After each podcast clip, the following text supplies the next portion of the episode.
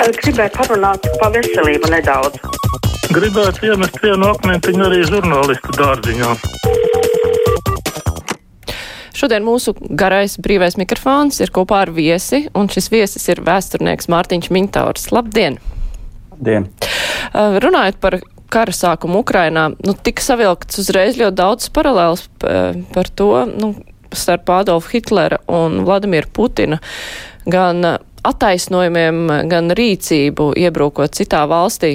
Nu, ņemot vērā, ka pasaules kārtība ir mainījusies, nu, visi cer, ka kara gaita nebūs tik plaša, tik ilga un postoša, kāds bija otrais pasaules kars. Tomēr jautājums ir, kas būs pēc tam, un jo visi arī cer, ka pēc kara vainīgie tiks sodīti, vai esat domājis eh, par to, ja nu netiek, Jo, lai tiesātu un sodītu, tad tie vainīgie ir jādabūt ciet.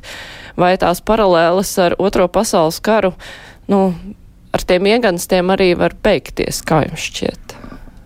Jā, es domāju, ka tās paralēles ar Otro pasaules karu, protams, ir viena no pirmajām domām, kas nāk saprātā, tad, kad mēs uzzinājām, ka karš Ukrainā ir sācies. Un, protams, arī tas propagandas fons un, un sabiedrības sagatavošana Uh, iebrukumam Ukrainā, ko, ko veica Krievijas propaganda, tas viss, protams, atgādina uh, ikvienam cilvēkam, kurš uh, kaut ko zina par, par 20. gadsimta vēsturi, atgādina it kā jau reiz redzētas un piedzīvotas lietas. Taču es domāju, ka te ir atšķirība starp Krievijas karu pret Ukrainu un Otro pasaules karu. Pirmkārt, mēroga ziņā, un to ir teikuši arī pirms tam eksperti gan starptautisko attiecību jomā, gan militārajā jomā, jo šobrīd tas ir divu valstu konflikts, nu, loka, lokalizēts konflikts, jā, lokalizēta kara darbība, kas diemžēl skar Ukrainu un, un, un visas Ukrainas arī civiliedzīvotājs. Nu, visi jau baidās par to, ka tas aizies plašumā, jo nu, pagaidām tās ir tikai tikai trīs nedēļas ar drusciņu, kas, protams, Ukrainai ir ārkārtīgi ilgi, bet Mēs nezinām, kā tas turpināsies. Tieši tā, mēs nezinām, kā tas turpināsies, tāpēc mēs arī nezinām, kā tas varētu beigties. Ir labi, ka ir uh, agresors, agresoru valsts ir brīdināta par to, ka tas tā vienkārši uh, nepaies bez uh, sakām, bez juridiskām sakām. Jā, ir labi, ka tas tika atklāti pateikts, deklarēts, ka uh, par visu uh, izdarīto būs jāatbild. Uh, cits jautājums, kad, uh, kad tā, uh, kā saka, roka starptautiskās sabiedrības un tiesas rokā izsniegsies līdz pašiem, pašiem tātad šī kara plānotājiem un kara īstenotājiem. Un, protams, ir labi arī tas, ka tika pasludināta gan izmeklēšana, gan nosūtīti starptautiskie izmeklētāji, kas mums šobrīd varbūt liekas, ka tā ir tāda, nu, pilnīgi pakārtota lieta, jo, jo pašreiz notiek kara darbība un viss ir atkarīgs no tā, kāds būs stāvoklis frontē. Bet ir labi, ka to sāka darīt. Un tas, tam, manuprāt, nav mazāka nozīme kā tām pašām sankcijām, kuras tomēr var teikt, ka nāca par vēlu, bet nu, bija droši vien visādi formāli attaisnojumi, lai tās neieviestu ātrāk.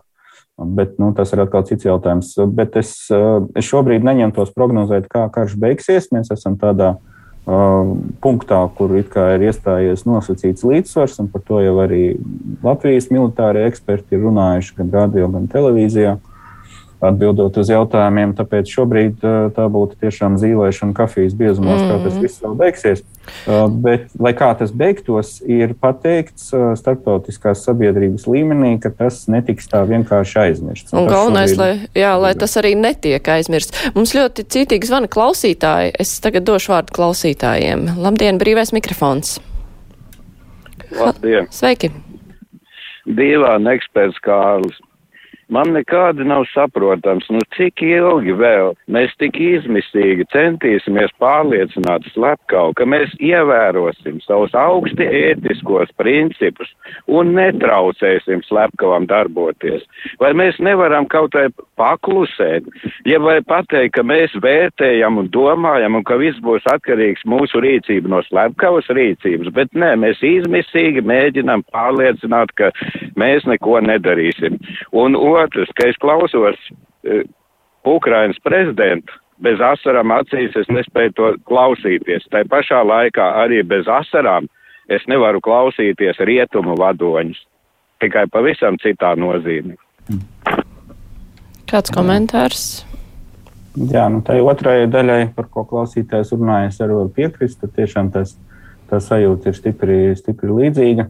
Uh, bet es nedomāju, ka mēs šobrīd, uh, nu, mēs tas ir vai, vai Latvija vai, vai Rietumi, uh, mēs mēģinātu vēl kādu ļoti pārliecināt par saviem morāli etiskajiem principiem, vai mēs mēģinātu tirgoties ar, ar, ar Putina režīmu. Jo tas arī ir pateikts pietiekami skaidri, ka, nu, neies cauri tā Krievijas propaganda, kur viņi šorī, šobrīd mēģina jāsaka, jau diezgan izmisīgi uh, izplatīt un, un noturēt to savu pašu sacerēto un pašu, pašu sakonstruēto stāstu. To, un tur jau ir tāda zināma atkārtošanās. Ir nu, arī, protams, tāpēc, nu, ka neko jaunu jau pateikt nav iespējams. Tieši jā, tā. Un, un, Līdz ar to tas arī, es nedomāju, ka mēs tagad taisnojamies vai kaut kādā veidā mēģinam parādīt, ka mēs tomēr ievērojam principus. Nu, Rietumi atšķiras tieši ar to, ka tie principi tiek ievēroti. Ka viņi nav tādi kā Putins. Es pacelšu vēl klausuli. Labdien, brīvais mikrofons. Halo, sveiki! Esat ēterā. Jā, um, jā, jā runāj. Par tām sankcijām gribētu parunāt. Uh -huh. Kādreiz, kad Napoleonam prasīja, kas ir vajadzīgs, lai karotu, viņš teica trīs lietas. Pirmā lieta ir vajadzīga nauda. Otrā lieta ir vajadzīga nauda. Un trešā lieta arī ir vajadzīga nauda. Tagad Eiropa par gāzi un, un, un, un naftu dienā maksā pār par miljārdu eiro. Mēs te runājam par sankcijām apmēram tādām, nu, ka mēs šprotus nepārdosim Krieviem. Nu, vai tas neizklausās smieklīgi? Jā. Jā, nu ne tikai par šprotēm ir runa, ir runa par uh, valsts rezervju iesaldēšanu, kas nozīmē valūtas, uh, valūtas vērtības krišanu. Tas ir tā spēcīgākā sankcija daļa, kas iedarbojas visātrāk. Uh, bet, uh, protams, tāpat kā ik viens, kurš sako līdzi tam kas, tam, kas notiek, mums arī gribētos, lai tas notiktu, lai šī sankciju ietekme būtu daudz ātrāka un, un spēcīgāka un, un, un atteikties no, no visa šī uh, kurināmā importa, kas nāk no, no, no Krievijas uz, uz Eiropu. Nu, ja tas nebija izdarīts iepriekš, un ja, kā mēs atceramies, tad vēl dažus mēnešus pirms kara sākuma vācieši ļoti lepojās ar to, ka viņi slēgs drīz savas atomelektrostacijas, un mēs visi dzīvosim zaļi tiešām pārnestā nozīmē, nu, tad mēs redzam, ka tas nav tik, nav tik vienkārši, un ka pat bez jebkādām sazvērstības teorijām par to, cik cik ļoti šis pseido zaļais kurs tika, tika arī sponsorēts no Krievijas puses tieši vai netieši. Mēs redzam, ka tas, nu, ka rietumi šajā gadījumā, protams, bija ļoti vieglprātīgi, jo bija gan brīdinājumi ne tikai no Baltijas valstīm un, un Austrumē Eiropas un Polijas, bet arī no dažādiem izpētes institūtiem un, un, un, un tiešām ekspertiem par šo enerģētisko neatkarību no Krievijas, Krievijas importa. Uh, Uh, un, nu, protams, ka tas tika ignorēts, tāpēc ka nu, nekas jau nenotiek, nekas jau, cīniski sakot, mums uz galvas nekādas bumbas un raķetes nekrīt. Bet nu, uh, tagad tā attieksme ir mainījusies tomēr. Attieksme ir mainījusies sabiedrībā, un tas ir labi. Mani dara bažīgi tas, ka sabiedrība gan pie mums, gan rietumos var, uh, cīniski sakot, pierast pie šī kara. Trīs nedēļas varbūt vēl nav tas pats kritiskākais posms, uh, Bet, ja, ja karš ievelkas un ja to mēģina, kā arī to ir paredzējuši daži eksperti, Krieviju pārvērst tādā ilgstošā, ilgstošā gruzdošā konfliktā, nu, tad vienā brīdī var pienākt tāds moments, kad, kad šī rietumu gan masu mēdīju uzmanība, gan sabiedrības uzmanība, kas izpaudās vēl nesen lielās pretkara demonstrācijās, tajā pašā Vācijā un visur, kur citur, ka tas nu, pārslēgsies uzmanību uz kaut ko citu, un tas tiešām ļoti cīniski izklausās. Bet tā, diemžēl bieži notiek. Diemžēl, jā, tā notiek. Es došu vēl vārdu klausītājiem. Mums ļoti daudz cilvēku zvana. Brīvais mikrofons, labdien! Jā, labdien! Es esmu pārdzīvojis otro pasaules karu kā mazs bērns. Visu to labi atceros. Atceros, kā nāca vācieši pa mazo nometņu Rīgā riteņbraucēju kolonnu Pie vienas rokas velospēds, ar otru roku dalīja bērniem šokolādes konfekts. Atceros, kā nāca krievi, maķi, peremēķi, kāju pa pakaļ un tā tālāk, vai neizsūtīja latviešus, nevainīgus cilvēkus, labākos cilvēkus, iznīcināja Latvijas virsniekus, viltīgā kārtā likvidēja. Un tagad atļauj šiem okupantu pēcnācējiem vienkārši ņirgāties par Latviju. Uzvaras bulvārī pie tā monstra, kur sen vajadzēja nojaukt. Un ja to tagad neizdarīs, tā ir kauns, kauns Latvijai. Un... Ko darīt ar to uzvaras monstru? Ar ko klausītājs runāja? Jā, es jau esmu teicis iepriekš, ka ar pieminiektu nojaukšanu nekas atrisināts netiks. Protams, ka šobrīd tā reakcija ir tieši tāda nost visu to, kas, kas ir saistīts ar, ar, ar padomu režīmu un ar, un ar visiem šiem, un ar Putina režīmu kā padomu savienības turpinātāju, kā viņi to arī ir oficiāli sevi, protams, deklarējuši. Ja? Pēc padomu savienības sabrukuma Krievija pasludināja sevi par valsti, kas juridiski pārņem visu šo padomu savienības mantojumu. Tāpēc to ļoti labi var saprast tādu, tādu reakciju Bet tad ir vērts uzdot jautājumu, kas būs pēc tam. Tāpat kā mēs sākām ar jautājumu, kas būs pēc kara, tad, kad tas beigsies, cerams, Ukraiņai par labu. Tad jautājums tieši tāds pats, kas būs, kas būs pēc tam, kad mēs to pieminiektu nojauksim. Es domāju, ka ar to nekas nebeigsies. Nu, tad, tas būtu kaut kāds sākums, varbūt. Bet, nu jā, bet tā ir jau atsevišķa diskusija, protams. Klausītājs piedāvā divus priekšlikumus, kas varētu sagādāt galvasāps Putinam. Pirmais - aktualizēt jautājumu par Kenigsbergu, jo pēc karto piešķir PSRS uz 50 gadiem. Otrais - izraidīt no Eiropas uz Ukrainu, vēlams Harkivu vai Melitopoli, Alīnu Kabājevu ar bērniem. Jā, nu, protams.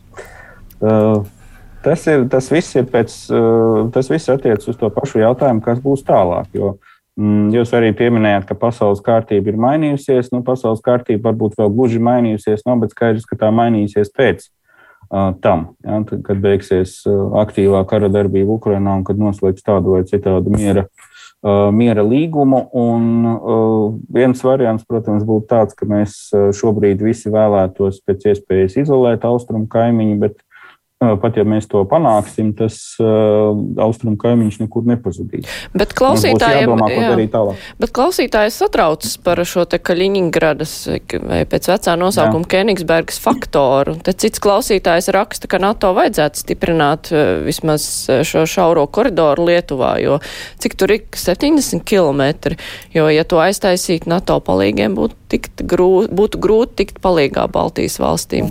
Kā tur bija ar tiem, jā, kā tur bija ar tiem nosacījumiem Krievijai, Padomju Savienībai ar šo teritoriju? Ar šo teritoriju es nezinu, vai tas tiešām tika uz 50 gadiem pēc, pēc otrā pasaules kara uh, nodots Padomju Savienības rīcībā. Jo tur bija variants arī, ka to varētu nodot Polijas Tautas Republikai, bet gala rezultātā tas palika padomju režīmu kontrolē, un pēc tam ir visi 70. gadu Helsinku līgumi par robežu nemainīgumu Eiropā. Viņi, protams, vienmēr Krievijas puse var atsaukties uz to, ka arī pēc analoģijas Polijas, mūsdienu Polijas robežas balstās uz to pašu pēckara situāciju, un tāpēc viņi arī uz tā saucamo Kaļiņgradas apgabalu var, var pretendēt. Ja? Tad, tad tur ir tāda juridiski diplomātiska mežģīņu vīšana, Ja, un, protams, ir iespējas, iespējas vienmēr uh, pastāvēt uz to, ka tas uh, atbilst vai neatbilst kaut kādam iepriekš, iepriekš noslēgtam līgumam. Kas attiecas uz Suvāku koridoru, tad uh, tas par laimi nav vienīgais ceļš, kas saista Baltijas valstu teritoriju ar Rietumu Eiropu, ar, ar NATO, tad, tad ir jūras ceļš, ir ceļš caur Skandināviju, un ir arī citas lietas. Es domāju, ka to arī militārie analītiķi sen ir uh, izsvēruši NATO attiecīgajos centros un, un saprot, kādas ir, uh, kādas ir alternatīvas tam, ja ar šo suvalku koridoru kaut kas notiek un tas tiek aiztaisīts ciet. Protams, mums ir vieglāk, vieglāk par to teoretizēt nekā, nekā kaimiņu valstī Lietuvā, kur tieši ir. Uh, tieši robežojas ar to pašu Kaļiņgradas apgabalu. Mm -hmm. Klausītājs Vāna, labdien, brīvais mikrofons. Labdien! Grūti noskatīties kā gļēvie rietumi un gļēvais NATO noskatās kā nosiņo Ukrainu.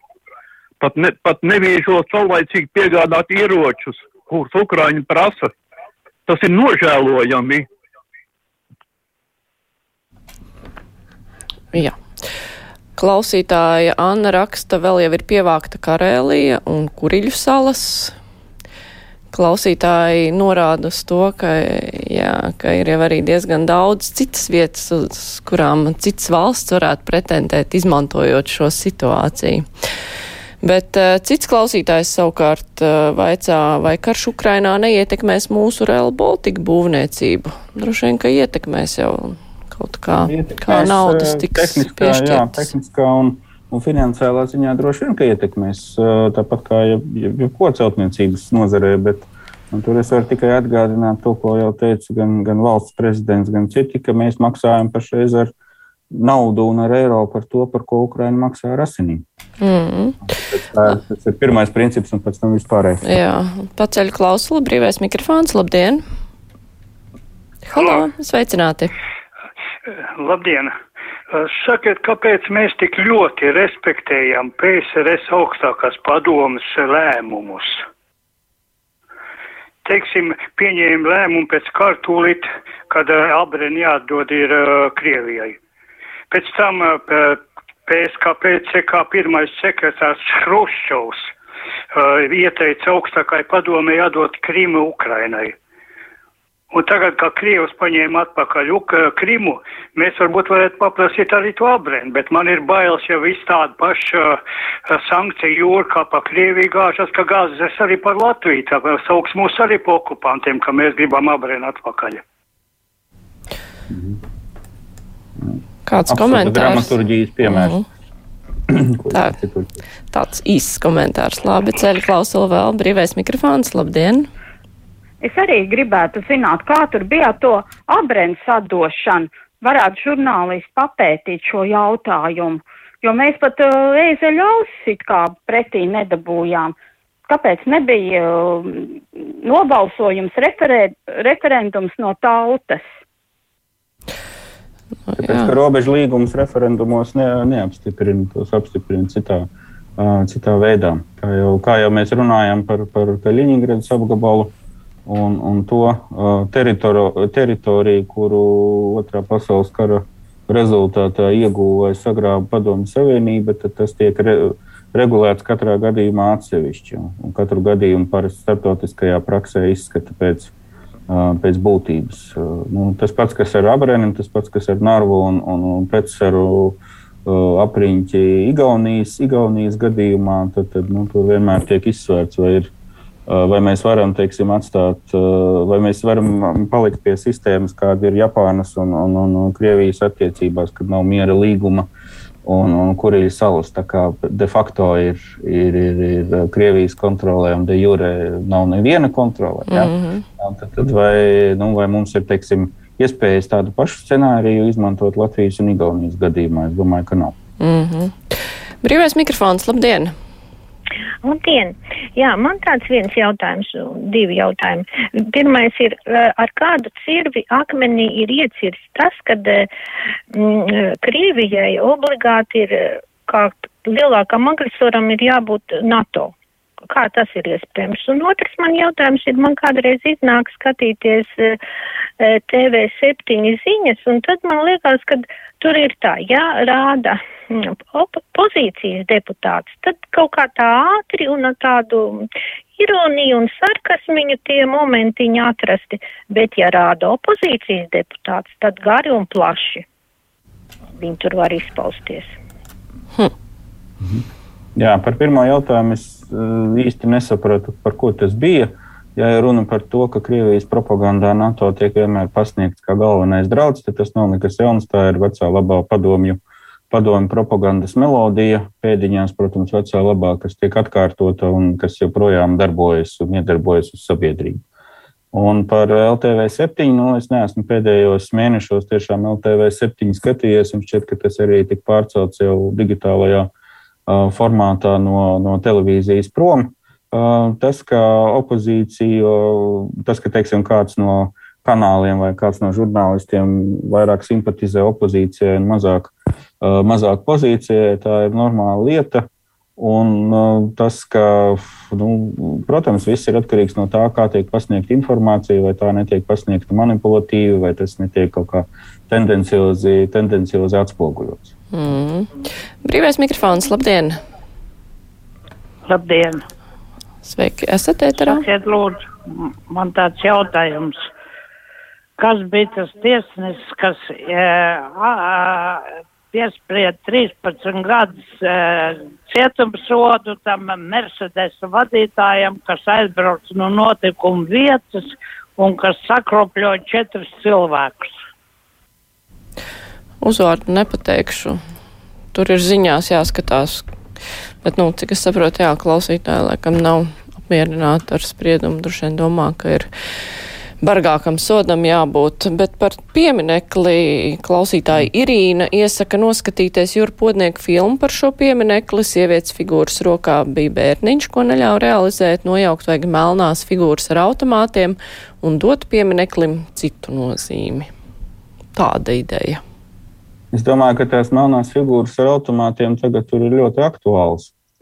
Bet par iespēju dot, eh, dot piemineklim citu nozīmi, jā, tas, tas, tas ir viens no iespējamiem variantiem. Eh, ja mēs esam runājuši kopš 90. gadiem, ka nav, tāda, eh, nav tādas piemiņas vietas Rīgā, kas būtu veltīta padomju okupācijas režīma upuriem kopumā, ne tikai runājot par par deportāciju upuriem, bet, bet par visu šo padomju okupācijas periodu kā tādu, tad, protams, ka tā saucamais uzvaras piemineklis, kā padomju simbols šo režīmu arī uh, iemieso burtiskā veidā. Nu, jā, tikai tā problēma, ka tas tiek izmantots citiem mērķiem jau gadu gadiem, un to tradīciju cilvēki nu, tā protams, viņiem savukārt redzēs, nepatīk. Jā, bet, nu, redzēsim, kas būs šogad. Nu, jā, tas ir arī ļoti interesanti. Jā, kā izskatīsies, kā izskatīsies uh, šī tradīcija, kuru jūs pieminējāt. Nu, Un kādi būs lēmumi jā, pieņemti šajā sakarā? Es pacelšu klausuli. Lēmumi ir viena lieta, jā, bet nu, jā, un kā, kā tas izskatīsies? Sabiedrība to, to mēģinās. Jā, brīvais mikrofons, labdien! Es varu runāt? Jā, esat ēterā, sveiki! Lab, labdien! Es, es jums gribu, vai man tik daudz ko teikt, bet kaut kādīgi tik grūti sazvanīt jūs, jo pēdējā laikā man atbild telefons, ka mans ir atslēgts. Tagad es gribu pateikt kaut ko par to pašu brīvības pieminu par to uzvaras pienekli. Es atceros, ka mēs vācam naudu, pado, tas 18 gadu beigās, laikam bija 89. Pa septiņu es neatceros rītīgi. Un viņu nevis kā uzvaras pirms, bet viņi cēla kā piemekli par piemiņu kritušajiem, par kritušajiem, bet nezinu, kāpēc viņi sāk saukt par uzvaras piemekli. Tas ir viens. Otrkārt, tur vajadzētu uzcelt tāds obelisks, ziniet, liels visiem tiem, ko šis uzvaras piemineklis ir nesis mūsu latviešu tautai, un visos uzvaras, kas ir izsūtīti, kas cietuši no šī režīma. Tas būtu ļoti patīkami. Un otrkārt, ka Amerika neiet palīgā, nu es pilnīgi labi saprotu, nu viņi taču ar izskudro, ka, jo viņi nevar tā, ja viņi iebruks Krievs tikai to gaida, pateiks, ka Krievi, amerikāņi izvērsījuši karu Irakā viņiem. Un tas arī viss. Mm -hmm. Nu jā. Tas jau arī daudz apspriests. Klausītājiem savukārt uh, interesē, vai kāds varētu izstāstīt, ko un kurš šobrīd dara Danoka un Mamikins? Danoka droši vien ir tur, kur viņai jābūt pēc amata. Um, jo tad, kad bija balsojums uh, Briselē, tad šķiet viņu arī rādīja, tāpat kā Ušukova televīzijā kaut kādā sižetā. Um, par, par Mamikinu es nezinu, es saprotu, ka viņš tur arī kaut ko turpina darīt mm. informācijas laukā, sauksim to tā. Jā, labi, paceļ klausuli. Jā. Brīvais mikrofons, labdien! Alo! Sveiki! Labdien! Man tāds sajūta, ka mēs tā piepalīdzam Putinam, ka Eiropa nepalīdz un Amerika arī nepalīdz uh, Ukrainai. Palīdz jau gan. Sajūtas mums var būt visādas, mm. un par sajūtām, kā saka, nu, arī diskutēt īpaši nav jēga. Mm. Klausītājs vēl zvana brīvais mikrofons. Labdien! Labdien! Es gribēju tādu lietu kā šīs kontrabandas cigaretes, jo it kā robežu kontrola pastiprināta, ja, ir Krievijas, ir Baltkrievijas robeža, bet kontrabandas cigaretes Latvijā ir un cena joprojām ir maziņa. Paldies! Mm, klausītājs ir labi informēts par cigaretēm, bet nu, jā, tā problēma jau droši vien nebūs pazudusi.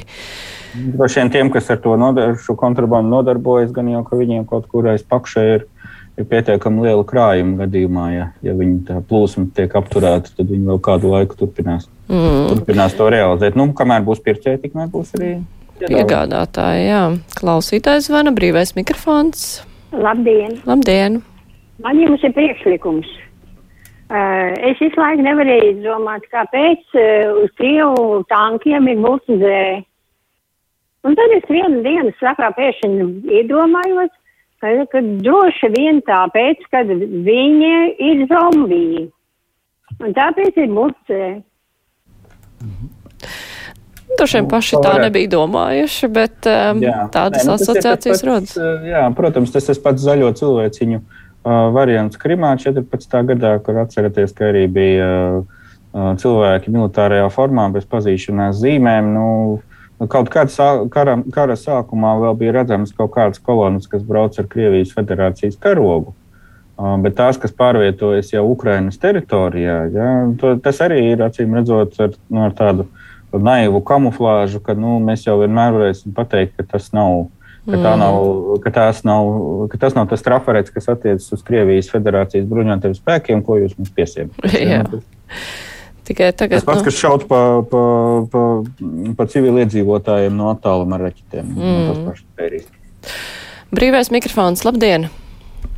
Labdien, es gribu palabot iepriekš teikto, kāpēc Krieviju nemet ārā no ANO? Tas taču ir amorāli. Jā, tas ir tāpat iepriekšējā klausītāja. Nu jā, par to ANO tas ir tas stāsts, ka nu, tik bezzobaina institūcija šobrīd izskatās, ka. Atcīm redzot, jā, jo tas te arī var piesaukt vēsturisku analoģiju ar to, ka Tautas Savienība 40. gadā, tad, kad jau bija sācies Otrais pasaules karš un Tautas Savienības iespējas kaut ko darīt un autoritāte arī bija tuvu nulei, viņiem tomēr pietika spēka uh, izslēgt uh, no šīs organizācijas uh, Padomju Savienību kā agresoru valsti pret Somiju. Tāpēc, ka tā bija sākusi ziemas karu. Tāpēc, tāpēc nu, toreiz, teikt, jau mirstošā Tautas Savienība tomēr šajā aspektā bija saglabāja godu vairāk nekā mēs to šobrīd redzam tādā, tādā diezgan nesakarīgā izpausmē no apvienoto nāciju organizācijas puses. Jo viena lieta ir ģenerāla sekretāra mēģinājumi 5 minūtes pirms 12. kaut ko panākt ar emocionālu uzrunu. Nu, faktiski jau, jau Krievija ir parādījusi, ka viņu neinteresē ne ANO starptautiskā tiesa, ne ANO dokumentu principi, ne arī kaut kāda ģenerāla sekretāra nostāja. Ja? Nu, līdz ar to Bet no Eiropas tad tas, tajā līmenī tas tika atrisināts. Ja tas turpināsies, es domāju, ka tas var tikt atrisināts arī analīzē. Nu jā, tikai jautājums, vai ko tas mainīs. Nu, mums brīvajam mikrofonam. Uh, Laika vairs nav palicis. Īsi vēl izlasīšu Matīs raksta, ka par uzvaras pieminekli viņa prāt līdz 24. februārim tas bija vēstures liecinieks, taču pēc 24. februāra tas ir Putina atjaunājumās impērijas armijas simbols.